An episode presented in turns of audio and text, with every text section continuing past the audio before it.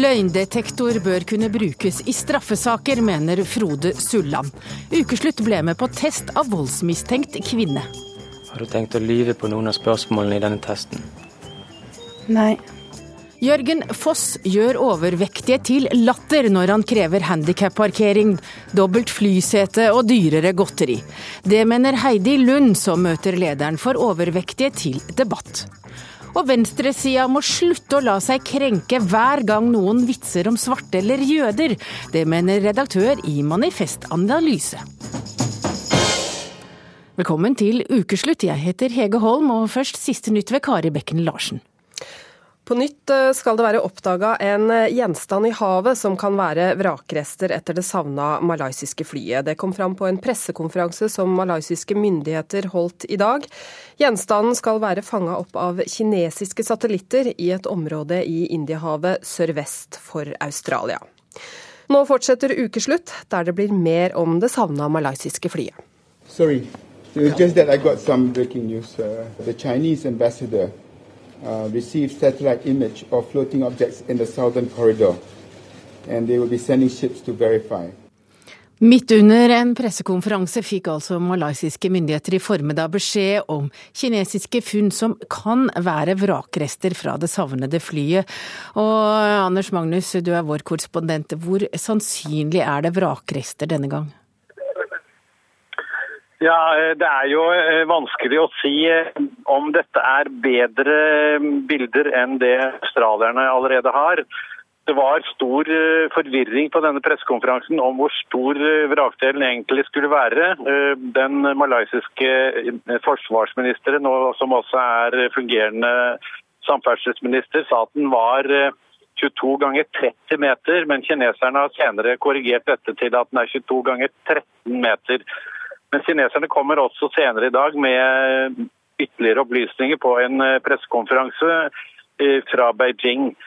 Eh, det vi vet er at den, den, dette bildet de har tatt er fra et område som ligger lenger vest i havet, men det er tross alt samme område i Indiahavet, noe som kan styrke teorien om at flyet kan ha styrtet i dette havområdet.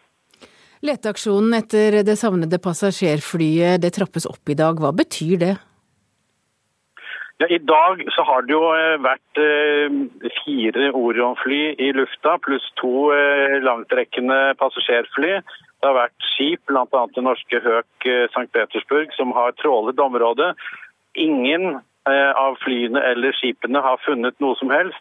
I morgen settes det inn ytterligere to fly fra Kina og også flere eh, krigsfartøyer fra den kinesiske marinen, pluss eh, den kinesiske isbryteren Xiaolong. Så, så, det blir en kraftig opptrapping her, og eh, det kommer også fly fra Japan etter hvert. Så dette blir en kjempemessig internasjonal aksjon, og det er jo nødvendig, for det er et stort havområde og det er veldig vanskelige vilkår her. Man må eh, fly fire timer ut fra Australia før man kommer til området, og fire timer tilbake altså. Så det er, det er ikke så lenge man kan lete før eh, man må tilbake fordi eh, det ikke er nok drivstoff i flyene. Det var jo 239 mennesker om bord, og det skal ha vært mye sinne nå blant pårørende som venter på å vite hva som egentlig skjedde. Og malaysiske myndigheter har måttet tåle beskyldninger om at de holder opplysninger tilbake. Er det noe grunn til at myndighetene ikke forteller det de vet? Nei, det er det ingen de har rotet en del, det har de gjort, men de har tross alt kommet fram med det de tror de vet. Eh, grunnen til eh, Det var eh, svært amper stemning i Beijing i dag, hvor malaysiske myndigheter fortalte det de visste til de kinesiske pårørende. Årsaken til at de er så sinte og tror at det holder igjen er nok fordi kinesiske borgere er vant med at deres egne myndigheter aldri forteller dem hva som egentlig foregår. Nå har de fått lov til å være sint på en, et annet lands myndigheter. De får fortsatt ikke lov å være sinte på sine egne myndigheter. og da, er det kanskje frustrasjonen sprekker. Eh, det har jo vært veldig harde dager for de pårørende. De har vært, levd i en berg-og-dal-bane av håp og fortvilelse ettersom det kommer nye opplysninger og de etter hvert blir avkreftet, så kommer det nye igjen. Så Det er jo forståelig at de er frustrerte. Takk til deg, korrespondent Anders Magnus, som altså er i Kuala Lumpur.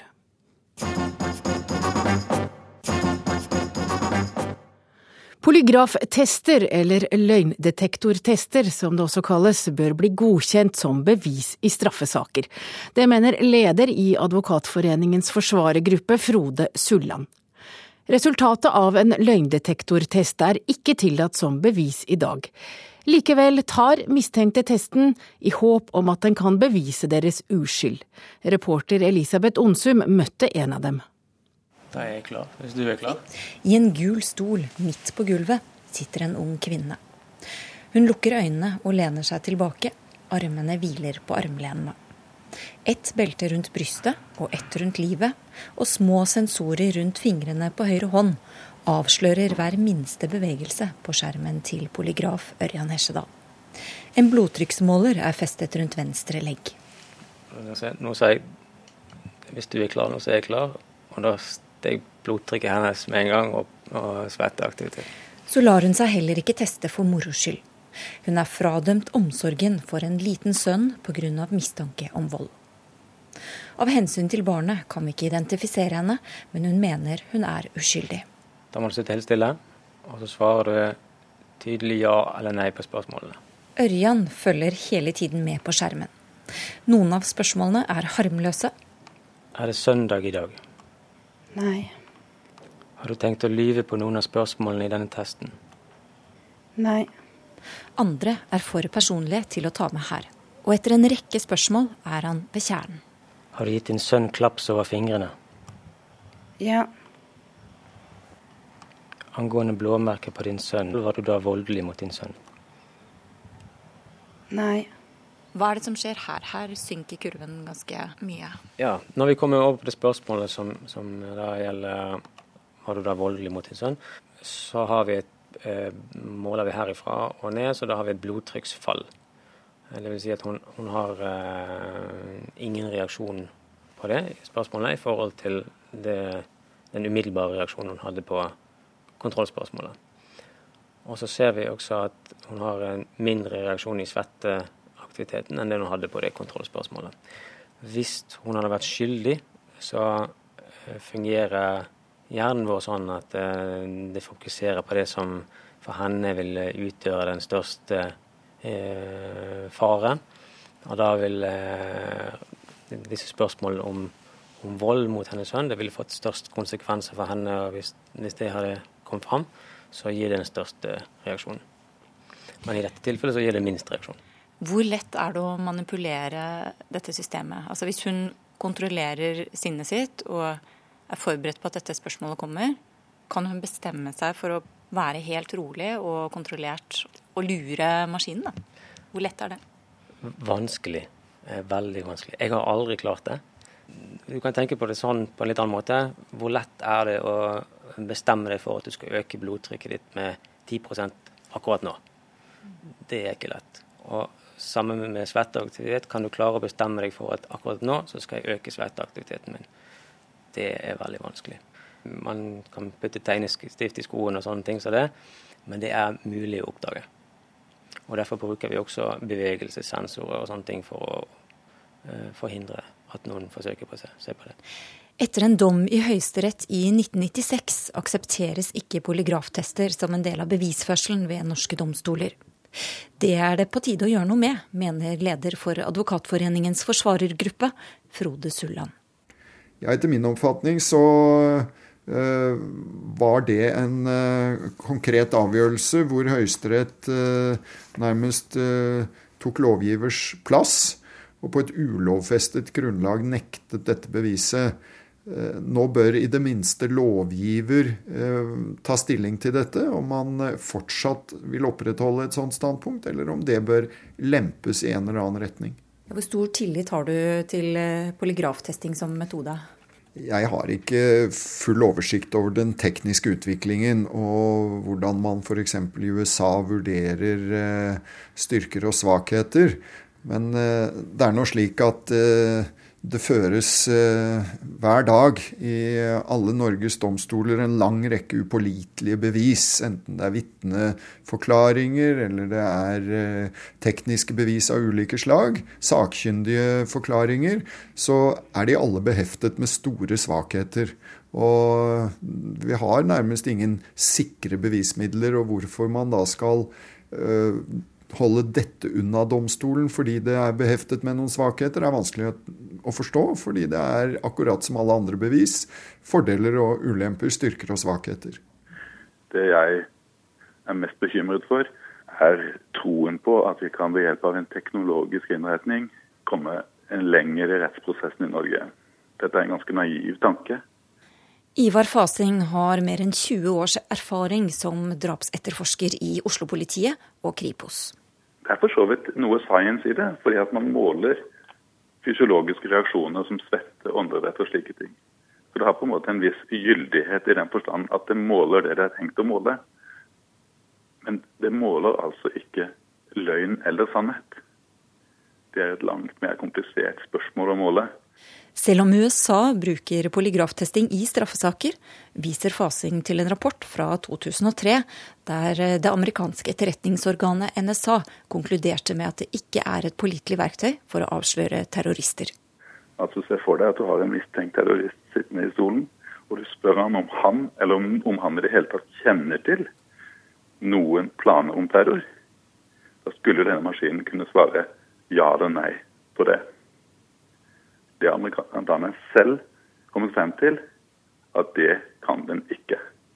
Så god er den altså ikke. De vil ikke legge sine hender sikkerhetsmessig i hendene på denne maskinen. Hvorfor skulle vi da legge norsk rettssikkerhet i de samme hendene? Har du gjort noe for å forsøke å lure denne testen? Nei. Ørjan Hesjedal er i ferd med å avslutte testen. Dette er andre gang kvinnen lar seg teste. Resultatet er det samme som sist. Hvordan opplevde du det? Eh, litt bedre enn første gang. Eh, det, er, det, er, veldig tungt, egentlig. Eh, selve prosessen, syns jeg. Eh, og man merker jo det i kroppen når han stiller, hvordan kroppen reagerer. Hva er det som er tungt? Eh, altså, spørsmålet er jo veldig tyngende. ikke sant? Det er de at man skal eh, Det er som sagt, du blotter jo deg selv ut for å kunne bevise at du snakker sant. da. Uh, og det er jo tyngende også, for man sitter og tenker liksom på Når han stiller, så tenker du tilbake og hva som skjedde, og det er fortsatt veldig tungt for meg. Beklager. Å bli anklagd for noe som man ikke har gjort. Uh, men også etterpå få det bevist eller fremlagt, da. Mm. Hva, hva betyr denne testen for deg? Det betyr veldig mye for meg. Eh, fordi jeg er veldig sånn at, jeg er veldig sånn at sannheten skal fram. Det skal ikke stå i noe som helst i mine papirer. Eh, at jeg er eh, barnemishandler, eller at jeg har utøvd vold mot mine barn. Og så tenker jeg også på fremtiden til mine barn. For når du forstår noe i et rettssystem som vi har i dag, så vil de også få det. Hvis det skulle skje noe med dem, så vil jo det også komme opp. Så veldig, jeg føler at det er veldig viktig både for meg og barna Eh, å få sannheten fram. Og det er viktig også å vise andre foreldre som kanskje går gjennom samme tinga eh, ved å bli anklagd for noe de ikke har gjort, eller utsatt eh, for både krenkelse og overgrep fra rettssystemet, at, at det fins håp på å bevise at, at dette her var ikke meg, eller dette her har ikke jeg gjort, eller dette her er ikke tilfellet. Mm. Men nå er det jo sånn at norsk rettsvesen tar ikke hensyn til slike tester. Så hvilken forhåpning har du om at de skal gjøre det med din test? Eh, jeg har en forhåpning at de vil se For nå er jo eh, i politikken nå så er det ganske mye tema rundt det hvor mye barnevernet feiler, og hvordan rettssystemet også feiler på grunnlag av tilliten til de andre instansene som jobber for eh, systemet. Men ser du en fare ved at de bare kan avfeie testen og ikke ta hensyn til den i det hele tatt? Jo da, det er en fare for det. Mm. Denne uken foreslo Jørgen Foss, leder i Landsforeningen for overvektige, at personer med sykelig overvekt skal få lov til å parkere på handikapplasser. I Kristiansand satt Heidi Rosander Lund og hørte utspillet fra Foss. Lund er selv overvektig og ble rasende. Hun skrev et innlegg i Dagbladet der hun kalte Foss sitt utspill for fordummende. Men eh, Lund, hvorfor er det fordummende å be om at sykelig overvektige skal få parkere på handikapplasser? Å lage en stor mediasak ut av dette, det reagerer jeg veldig sterkt på. For samfunnet leser ikke dette sånn som Jørgen Foss kanskje håper at de gjør. Samfunnet leser det som at mm, De late, de er dumme, de stapper i seg mat, de gidder ikke bevege seg, og nå skal de jaggu med handikapparkering også. Sånn leser samfunnet det. Det er ikke nødvendig å lage noe stor sak ut av det. De som trenger det, kan søke, og de vet hvor de skal henvende seg. Helt unødvendig. Det gjør oss til latter, og det sykeliggjør oss enda mer. Hvorfor kommer du med utspillet om at eh, sykelig overvektige skal få stå på handikapplasser? Mm. Eh, jeg er jo leder av en organisasjon i Norge som jobber for mennesker med sykelig overvekt. og Det var fagbladet Handikapnytt som eh, tok opp denne saken eh, først, i forhold til situasjonen som er i England.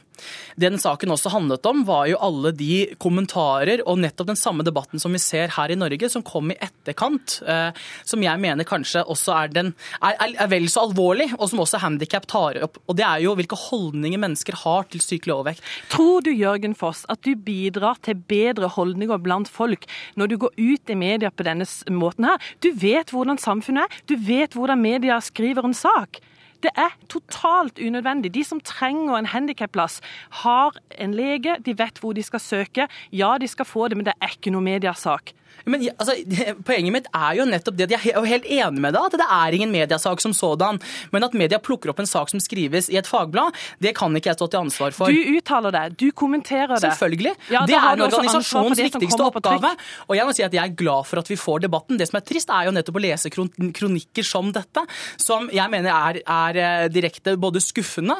Eh, og ikke minst, jeg skulle ønske her at Lund tok eh, initiativ, ble med i organisasjonen, var med å, å fronte de overvektige sak. for jeg mener mener jo at det er Hovedproblemet her ligger jo nettopp i den debatten som kommer i etterkant. Det at samfunnet ikke tolererer at det er ulike mennesketyper i dette samfunnet. Og de bidrar ikke noe mer når du kommer med en sånn uttalelse som dette. Og jeg skal gjerne, Jørgen Foss, være med og kjempe de overvektige sak. Så bra. Men jeg skal gjøre det den dagen du begynner å jobbe for de sakene som er virkelig viktige for overvektige. Spør en overvektig på gata. Spør hva som er viktig for vedkommende. Tror du det er å få dyrere godteri eller doble flyseter eller eh, mindre tilgjengelig godteri eller handikapplass? Nei, de vil ha aksept i samfunnet. De vil ha hjelp til å få et lettere liv. Det skal du fokusere på. Landsforeningen for overvektige har et mandat fra sitt landsmøte, eh, og det er et prinsipprogram. og Der står det veldig mye. Landsforeningen er, har tre, jobber innenfor tre områder. Vi jobber i forhold til forebygging, så kanskje er det viktigste det å forebygge overvekt i Norge. Dine eh, forslag har ingenting med forebygging å gjøre, Jørgen ja, da vil jeg, vet du hva, da vil jeg ha lest meg litt mer opp på hva Landsforeningen for overvektige jobber med. Du er, du er vi i forhold til behandling. Så jobber vi i forhold til behandling, fordi det er så mange mennesker med sykelig overvekt som har et behov for behandling av sin sykelige overvekt. Og så jobber vi i forhold til likestilling og likeverd av mennesker. Det er de tre ø, områdene som Landsforeningen jobber med. Hvis jeg vil ha godteri, Jørgen Foss, så kjøper jeg om det koster fem kroner eller om det koster 50 kroner. Det har ikke noe med prisen å gjøre. Det har med det mentale. Hvor, hva slags valg tar vi i hverdagen? Hva, hvorfor tar jeg det valget med å kjøpe godteri, og hva kan jeg gjøre for å ikke ta det valget? Det handler om mental trening. Overvektige trenger følgende. Vi trenger fysisk og psykisk trening eh, tilrettelagt av fagpersoner over lang tid. Vi må få ned antall slankeoperasjoner i Norge. Vi vil at folk skal få et lettere liv, og det er, da er ikke løsninga en slankeoperasjon. Vi må ha trening fysisk, psykisk over lang tid og i hverdagen vår. Og du fronter bare tullesaker. Kjør på med det som er viktig for oss overvektige. Spør en overvektig hva som er viktig. Det er ikke de forslagene du kommer med. Vi vil ha et lettere liv, og vi vil bli akseptert. Det er din mening, men jeg må bare si at jeg er veldig glad ja, Er det feil, det? Hva sa du? Er det feil, det altså, det er jo like mange over... altså, det er jo veldig mange meninger om hva som er en viktig sak. Hvor Landsforeningen for overvektige de jobber med sine saker, og så er jeg veldig glad for at du engasjerer deg Hvor på den måten du mange medlemmer har din forening? Det er en knøtt liten organisasjon. Du tror du taler for alle overvektige. Du gjør jo ikke det. Jeg, jeg, er leder av en organisasjon som jobber for sykelig overvekt. Og jeg er jo veldig glad for at du tar opp det, det du tar opp nettopp i forhold til behandling. For noe av det Landsforeningen for overvektige nå nettopp jobber med i forhold til når det nå er anbudsrunder på, eh, på behandling av sykelig overvekt, så er vi veldig opptatt av den mentale delen av behandlingen. Det er noe av det vi fronter opp mot behandlingsstedene, opp mot helseforetakene. Vi ønsker nettopp at den mentale behandlingen i større grad skal ta plass i behandlingen av mennesker med sykelig overvekt. Men Jørgen Foss, er det lettere å få utspill i media når du du snakker om godteri eller flyplassheter eller handikapparkering? Har det noe med det å gjøre? Vet du hva, Det er veldig sjelden jeg ringer til media. Det er som oftest de som tar kontakt angående saker som de ønsker å, å få kommentert. Og så er det slik at Media tar en del av eh, altså Det er de som ofte fører debatten i forhold til fedme. Fedme det selger. Det som er trist, er jo å se den lite kunnskapen som finnes hos en del journalister rundt overvekt. Fordi de, som du ser, det ender jo opp med overskrifter om gratis parkering for feite folk. Dette er ikke en debatt om gratis parkeringsplass for feite folk. Det er for en liten brøkdel mennesker som har et tilrettelagt behov. Og vi som organisasjon vi må også kunne snakke alle overvektige sak, også de som har dette tilrettelagte behovet. Det forstår ikke Lund. Nei, du prater på våre vegne du, Jørgen Foss. Jeg har valgt å gjøre det. Det er helt riktig. Men er du medlem av foreningen til Jørgen Foss? Nei, jeg er ikke medlem, og har ikke tenkt å bli medlem før den dagen Jørgen Foss viser at han er en leder som kan ta ansvar for sin organisasjon, og som prater de overvektige sak, de viktige sakene. Jeg vil ha et lettere liv. Jeg vil ikke slankeopereres. Hva slags hjelp får jeg? Jeg står helt alene. Ja, Sånne saker skulle du ha jobba med. og Slutt med det andre vaset du holder på med. Vet du hva, hva du, hva du, ser på som hva så ikke, det kan ikke jeg stå til ansvar for. Nei, men, men, jeg er altså valgt på et landsmøte for jeg er valgt på et landsmøte for å fronte de overvektiges sak. Vi er en organisasjon, du har fritt mulighet til å melde deg inn. Vi er en demokratisk organisasjon med et landsmøte som velger sin politiske ledelse. Rosander Lund, eh, hva skal til for at du eh, tar ansvar, ikke bare sitter og kritiserer eh, Landsforeningen for overvektige? Jeg brenner veldig for de overvektige sak, og det gjør jeg bl.a. her i Kristiansand, hvor jeg nå bl.a. har fått opp en egen egen lukka treningsgruppe for overvektige mennesker, hvor vi kan komme sammen og trene to til tre ganger i uka, bare oss i samme situasjon. Dette har jeg nå fått opp å stå, og jeg er veldig stolt av det. Og sånne ting trenger vi. Og jeg skulle gjerne meldt meg inn også i foreninga, men det kommer jo absolutt ikke på tale. Den dagen Jørgen Foss gjør viktigere ting, eller den dagen han stiller sitt vær til disposisjon, så skal jeg gjerne bli med. For det viktigste og det aller viktigste for oss overvektige, det er at vi må ha hjelp. Det er ikke ikke statens skyld at vi er tjukke. I gang på gang så klager Jørgen Foss i debatter på at samfunnet er skyld i at han er stor. Jørgen Foss vet hvorfor du er stor. Oh, det er så trist å høre den, det som kommer fram her. For jeg har, jo, jeg har aldri sagt at det er samfunnets fått... skyld. Jeg sier at vi må ta et samfunnsmessig ansvar, sånn som situasjonen er i dag. Det er 100 000 nordmenn som er sykelig overvektige. Det er 100 000 som er sykelig overvektige. De trenger hjelp. De må vi gi behandling. Ja, Men derfor... de trenger jo ikke hjelp på de måtene som du kommer ut Hva med i media på. Det vet jeg veldig mye om, Jørgen Foss. Jeg kjenner mange overvektige. Jeg, jeg syns det er fryktelig synd da, at man ikke klarer å ha to ting i hodet samtidig. Nettopp det å både kunne jobbe for tilrettelegging og ikke ikke minst det å kunne jobbe i forhold til behandling. Og, og, og til syvende og sist så er det forebygging. Hvor mye tilrettelegging er det vi trenger? Vi trenger tilrettelegging for å få den respekten vi må ha i samfunnet. Jeg mener at det er ikke noe i veien å be om at man som ett menneske har krav f.eks. på ett flysete. Jeg syns ikke det er noe galt å kunne kreve det som sykelig overvektig eller som overvektig. Jeg mener at vi må faktisk Da lurer jeg på hvor mange overvektige du egentlig har prata med, Jørgen Foss. Altså jeg snakker med overvektige hver eneste dag, og som leder av organisasjonen så besøker jeg behandlingssteder, er i, eh, er i, i samtale med overvektige hver eneste dag. Jeg er på fritiden leder av en organisasjon som jobber for overvektiges mennesker eh, og rettighetene, og ikke minst i forhold til likeverd, likestilling og ikke minst forebygging. Men hvis du spør en overvektig, ja, hva er det største ønsket ditt? Så sier han først og fremst at jeg vil ha et lettere liv. Mm. Og så sier han at han vil bli akseptert. Du mm. snakker om isolasjon, du Jørgen Foss. Mm. At får man en handikapparkering, så blir det også lettere å ikke isolere seg. Er det sånn det Nei, grunnen til at overvektige isolerer seg, er ikke pga. at de ikke har en handikapplass. Det er pga. at samfunnet er for tøffe mot oss. De er lei av blikkene, de er lei av kommentarene, de er lei av å bli ledd av. Derfor isolerer overvektige seg, Jørgen Foss. Ikke fordi de ikke har en handikapparkering. Det er på tide at aktiv dødshjelp blir tillatt i Norge, mener Fremskrittspartiets Ungdom. Vi kan ikke la staten ta livet av folk, svarer Unge Høyre litt senere i denne sendinga. Og Ukeslutt lærer deg mer om ukas nyord, rosarosing. Vi har oppsøkt ekspertene. Her står det Fina. Uh, du er vakker. Wow. Og de som hører på P1 må nå skru over på P2, for i P1 der overtar nå sporten med skiskyting i Holmkollen. Onsdag kveld døde 28 år gamle Magnus Todal av kreft. Før han døde brukte han sine siste krefter på å be om at aktiv dødshjelp må bli tillatt i Norge.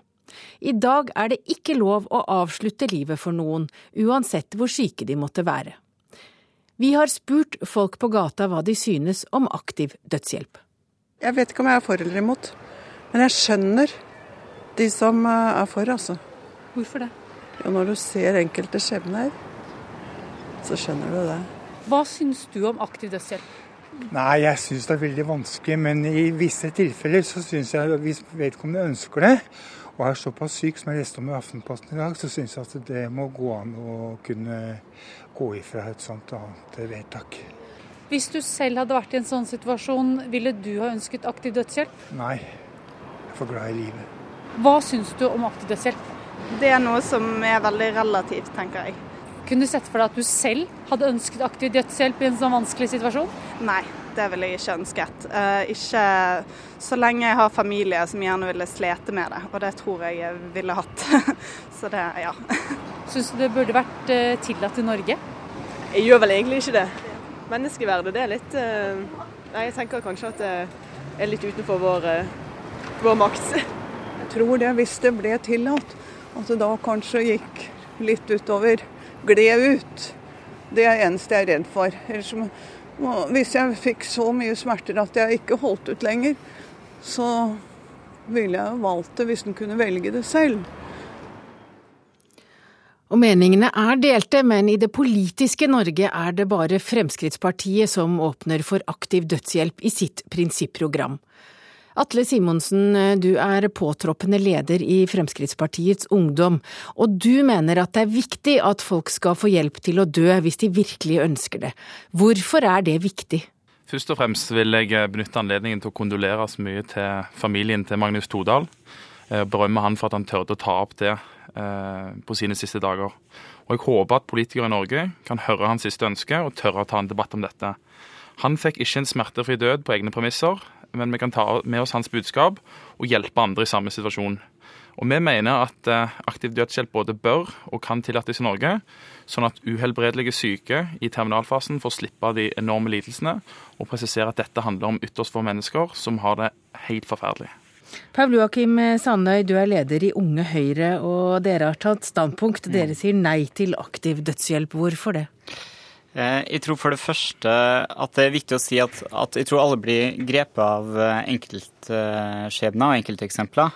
Eh, og det finnes eksempler som det vi har fått referert den siste uka, men det finnes på den andre sida også mennesker som har hatt grusomme sykdommer, ønska å dø, og så blitt friske igjen. Eh, og har vært glad for at den ikke muligheten, muligheten, ikke fantes. Eh, men jeg tror at eh, den viktigste grunnen til at imot dette, er at man setter opp et nytt alternativ i helsevesenet. Vi kan forsøke å behandle det. Vi kan lindre smerta di, men du kan også dø. Og det er umulig å åpne for det uten at man samtidig legger et visst press på eh, en del andre mennesker. Eh, det er veldig mange gamle, flere enn vi snakker om, som sliter med depresjoner, til dels tunge depresjoner f.eks. Eh, og dersom man åpner for dette, så åpner man f.eks. For, for at en gammel dame ber om å dø, ikke fordi hun vil dø, men fordi hun føler seg som en belastning for dem rundt seg og for samfunnet. Og dersom det skjer, om så det skjer bare én gang i løpet av et år, så mener vi som samfunn har tapt. Jeg er veldig uenig. Eh, det er ingen forskning som viser at eh, svake grupper er mer utsatt, enten det er fattige eller eldre. Og, og, Belgia og Nederland brukes ofte som sånn skrekkeksempler på hvordan dette kan være. Men til og med i Nederland så får to tredjedeler av avslag på sin søknad om dødshjelp. Vi ønsker at det skal være et veldig strengt regelverk, det skal være strengt kontrollert.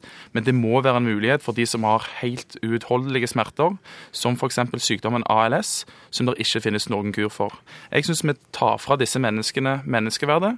Vi ikke lar de få en, en verdig avslutning på livet, hvor de kan samle de de er glad i, og ta et varmt, skikkelig farvel, istedenfor å visne hen til det ikke er mer menneske igjen av dem. Problemet med å åpne for bare visse tilfeller og et strengt regelverk, er at idet du har tatt det første skrittet, så er det veldig vanskelig å, å, stå imot neste gruppe. Eh, og Grunnen til at Belgia, og Nederland og Oregon brukes som skrekkeksempel, er fordi det er de eneste statene som har tillatt det. Eh, og Nederland er der man har lengst erfaring med det. Der har det i praksis vært tillatt siden 80-tallet. Først som en nødrett Eh, for leger, eh, så som en rettighet for fysiske lidelser. Deretter fant man ut at man også måtte ta inn psykiske lidelser. Nå diskuterer man om livstretthet skal være nok til å få oppfylt denne retten. Barn ned i tolvårsalderen får dette. Så har man eh, samtidig såkalte medisinske drap eh, eksempler på veldig syke kreftpasienter som eh, blir eh, tatt livet av uten samtykke. Eh, vi vet at det er flere spedbarn som har blitt fått avslutta livet. Eh, barn med f.eks. ryggmargsbrokk. Dette er definitivt barn som ikke har samtykkekompetanse. Og da er det man kommer dit at vi må spørre oss om vi har redusert eh, verdien av et menneskeliv og senka terskelen for å dø såpass mye at det gir oss et kaldere samfunn. Paul Joakim tegner jo et bilde her som er helt usannsynlig, og som ingen av oss eh, foreslår. Det er ikke snakk om å gå den veien der. Eh, det er ikke snakk om at vi skal sette sprøyter eller dele ut giftpiller i hytt og pine, men å la mennesker som er døende og uhelbredelige, ta et veloverveid valg med svært strenge kontrollrutiner. Og som jeg sa, det er ingen forskning som støtter det Paul Joakim sier. Det er ingen forskning som viser Men det var jo noen forferdelige eksempler han kom med her. Er de direkte feil, vil du si det? Nei, men det er ikke det vi ønsker. Vi har sagt at det er de som er døende, uhelbredelige, som har enorme smerter på slutten av livet, skal kunne ta et veloverveid valg og bestemme om de ønsker å avslutte det tidligere. Men Simonsen, hvordan kan en være sikker på at mennesker som ber om hjelp til å dø, i virkeligheten bare ønsker å skåne sine nærmeste eller pårørende eller samfunnet? Det viser at de ikke har sklidd ut i de stedene de har prøvd det. Ja. Eh, og jeg mener at eh, vi må huske på at dette praktiseres allerede i dag. Noen får gjelde hjelp av en lege de kjenner, eller eh, nær bekjent, for å gjøre slutt på smertene. Og vi vet òg at flere nordmenn drar til utlandet for for å rett og slett for å dø. Jeg ønsker ikke det skal være sånn i Norge. Jeg ønsker at mennesker skal få lov å ta kontroll over sin egen, egen, egen skjebne. Når de har så utålelige smerter, så skal vi ha et strengt regelverk rundt dette. Men det, dette er ikke en, en krenkelse av menneskeverdet, men å la folk ta den beslutningen sjøl, det er det som er menneskeverd. Jeg tror heller ikke at eh, Atle Simonsen eller FPU ønsker å la det gå så langt. Eh, det gjorde man heller ikke i Nederland da man åpna det i utgangspunktet. Eh, men så kommer man jo til et tidspunkt der man ser at fysiske lidelser er kan være eh, forferdelige, men det finnes også eh, tilfeller der mennesker har kreft og har en mindre smertefull død enn f.eks. psykiske lidelser. Så da blir det veldig vanskelig å forklare hvorfor psykiske lidelser også ikke skal være med i dette. Det er jo litt merkelig at et Høyre-parti som Unge Høyre forsvarer eller går imot aktiv dødshjelp. Ellers så pleier dere å være veldig nøye med å forsvare enkeltmenneskets frihet til å ta egne valg. Ja, men jeg, jeg mener det er en forskjell eh, på eh, retten til å bestemme over eget liv og f.eks. retten til å skade seg sjøl, eller retten til å ta sitt eget liv. Jeg mener det er et klart skille der. Eh, og jeg er ikke enig i at det er en rettighet å dø. Nå sitter dere i regjering sammen, og på Stortinget er det kun Fremskrittspartiet som åpner for aktiv dødshjelp. Men eh, partiet har lagt saken på hylla både i forrige og i nåværende stortingsperiode. Og Atle Simonsen, det ser vel ut som det kan ta svært lang tid før aktiv dødshjelp blir innført i Norge? Ja, det kan godt være det tar tid, men jeg mener det, eh, det, at det må ta den tiden det trenger. Jeg spør meg hvor lenge skal vi folk lide? Og jeg merker meg det at Paul Joakim sitt eneste argument, det eneste argumentet han har, det er at dette kommer til å skli ut. Men vi vil ikke la det skli ut. Men vi ønsker at det er de som faktisk har de mest utålige smertene av alle, og som bare venter på å dø, skal få lov å ta et veloverveid valg under strenge kontrollrutiner. Og det skuffer meg veldig at et parti som Høyre, og spesielt Unge Høyre, som vanligvis setter enkeltmennesket høyt, nå lar seg styre av moralisme og setter samfunnet og sin egen moral over enkeltvidets egen, og legger seg blinde med KrF i denne saken. Ja, Vi legger oss strengt tatt på linje med de aller fleste andre partier enn FPU. Eh, og Det er mulig at eh, FPU bare har hørt at de har hatt ett argument her, men jeg har både kommet med prinsipielle innvendinger og praktiske innvendinger. Eh, men et siste moment som også kan være verdt å legge merke til, er at legene ønsker ikke dette sjøl. Man ønsker ikke å bli, få ansvaret som bøddel i, helsevesenet, fordi man har tatt en jobb for å redde liv. Og Det tror jeg også kan være verdt å lytte til i diskusjonen med eutanasi. NRK P2. Denne uken har mange blitt krenket. Første krenker ut var statssekretær Bård Hoksrud, som slo et slag for refleksvest i trafikken, ved å minne om at folk med svart hudfarge og mørke klær ikke synes i mørket med mindre de smiler. Så var det jødene som fikk sitt pass påskrevet i Thomas Seltzers trygdekontor onsdag, der temaet var rasisme. PR-rådgiver Elisabeth Norheim sa at hun var sjalu på rike jøder. Og det fikk mange til å hamre løs på tastaturet.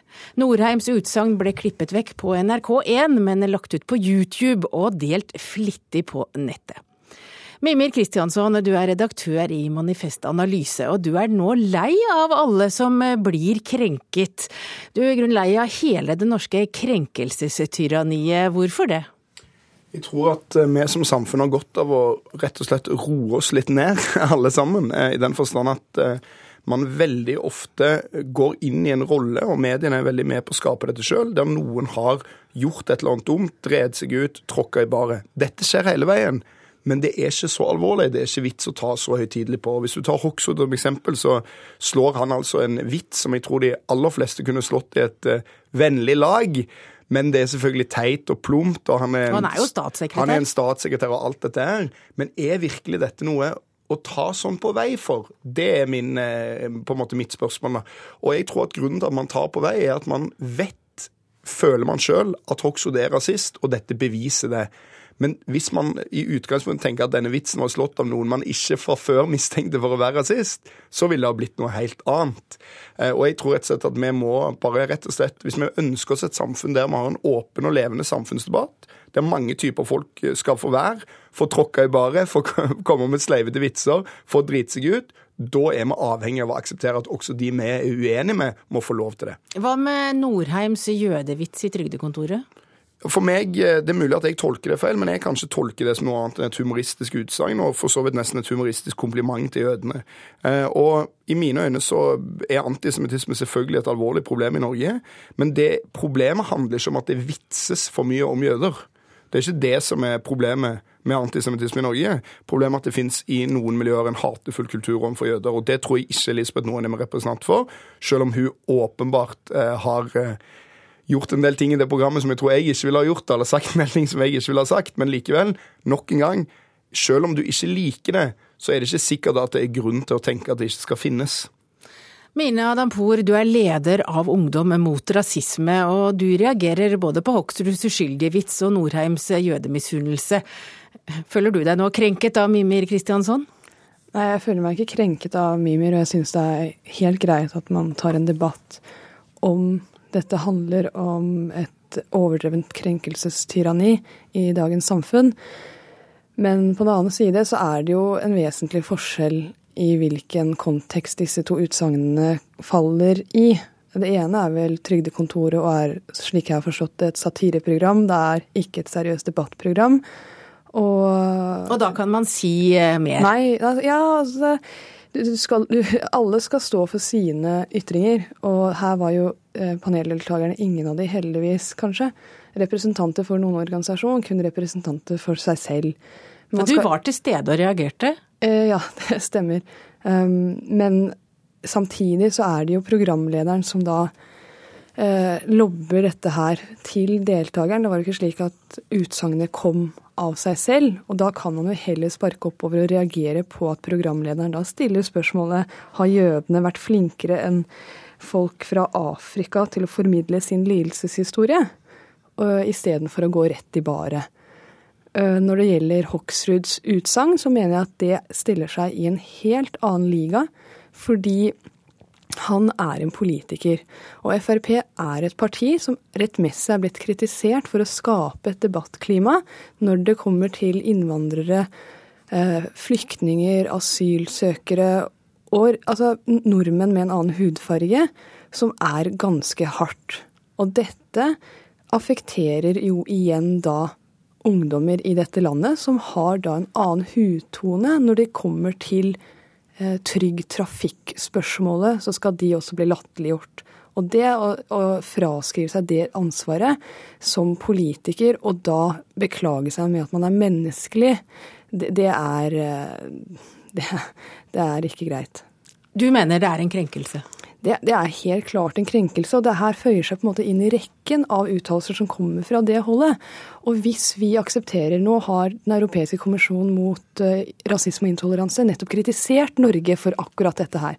At det er et klima hvor slike ytringer tillates i så stor grad at konsekvensen blir stigmatisering av mennesker, men ikke etnisk norsk bakgrunn. Og det skal vi ta på alvor når den rapporten Eh, kom i 2009, og nå er vi i en ny runde hvor vi blir eh, analysert og evaluert på nytt i år. og Da får vi se hva de sier denne gang, når terskelen bare ser ut til å bli lavere for hva som skal sies, og som affekterer barn og ungdom i dette landet. Nå skal det sies at Bård Hoksrud har lagt seg veldig flat og bedt om unnskyldning, og han synes det er eh, Han er ikke glad for den padda som kom eh, der. Ja, hvis man, hvis man leser unnskyldningen hans, så er det faktisk ikke en de facto unnskyldning. Han sier 'dersom jeg har såret noen', og 'dersom jeg har'. Og det, det er også noe litt annet. Han bør, bør jo faktisk si at 'dette fant jeg selv ut av var veldig feil'.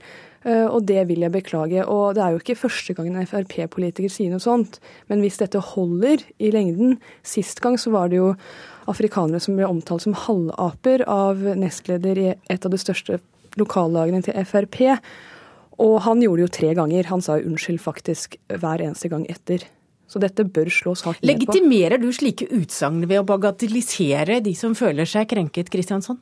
Nei, men man kan heller ikke sause dette sammen til en og samme store suppe. Det er helt åpenbart at jeg ikke har noe til overs for Frp. Det er helt åpenbart at jeg òg mener som mine at Frp er med å skape et klima i Norge som er uheldig. Men en vits på et trygt Trafikk-seminar er altså ikke det samme som man kaller afrikanere for halvaper. Og jeg ser ikke noen enorm grunn til at Bård Hoksrud må beklage eller legge seg flat for det han har sagt. I mine øyne er det et åpenbart humoristisk utsagn. Det er åpenbart ikke meint til å støte eller plage noen. Og jeg tror her rett og slett at man må gå inn i innholdet i de utsagnene som blir sagt. Og så tror jeg bare det at det Mina gjør, er å reagere på autopilot mot at Frp er et parti som oppfattes som rasistisk. Og det har jeg mye sympati for. Men dette er altså ikke så ille. Eh, dette er ikke det samme, på en måte. Eh, nå skal det sies at jeg ikke reagerer på autopilot når det kommer til Frp. Vi i Ungdom til rasisme opplever faktisk at mediene eh, kun vil snakke med oss dersom vi kritiserer Frp. Vi har også kritisert politiske partier på venstresiden. Da er det ikke plass til kronikken. Vi har kritisert Arfan Bhatti. Da er det ikke plass til kronikken. Under globaliseringskonferansen i fjor så sa jeg eh, overfor en forsamling mellom, med, eh, mellom 500 og 1500 oppmøte at Frp ikke er et rasistisk parti.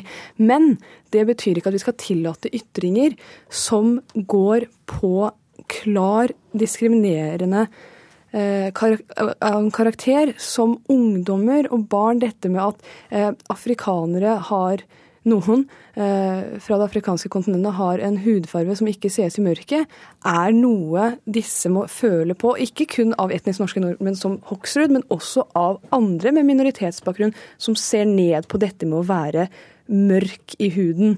Men Mine Adampour, hvordan reagerer du på at eh, en eh, hvit eh, mann som Mimir Kristiansson nå bagatelliserer det og sier han er lei av krenkelsestyranniet? Så de jeg alltid møter i slike debatter, når det kommer til eh, hatefulle og diskriminerende offentlig fremsatte utsagn, er jo, og jeg bruker ikke betegnelsen hvit, men det er eh, ressurssterke etnisk norske menn. Og det kan jo være en indikator på noe, det kan selvsagt også ikke være det. Men vi som har opplevd denne diskrimineringen, når Ervin Kohn, som er nestleder i Antirasistisk Senter, reagerer på Norheims uttalelser, så mener jeg at det har en større legitimitet, fordi det er vi som vet hvor skoen trykker. Hvis du aldri har blitt fortalt at du er svart som mørkenatta og jeg ser deg ikke, eller på et foto og jeg ser deg ikke, så vet du ikke hvordan det føles. Og vi har et ansvar spesielt for de som er sårbare i vårt samfunn, og det er barn og ungdom, å beskytte de mot denne type utsagn. Jeg syns det er helt greit at Hoksrud beklager, jeg skulle ønske det var mer hva skal til for å krenke deg, Mimir Kristiansson? Det er veldig mye, eh, tror jeg.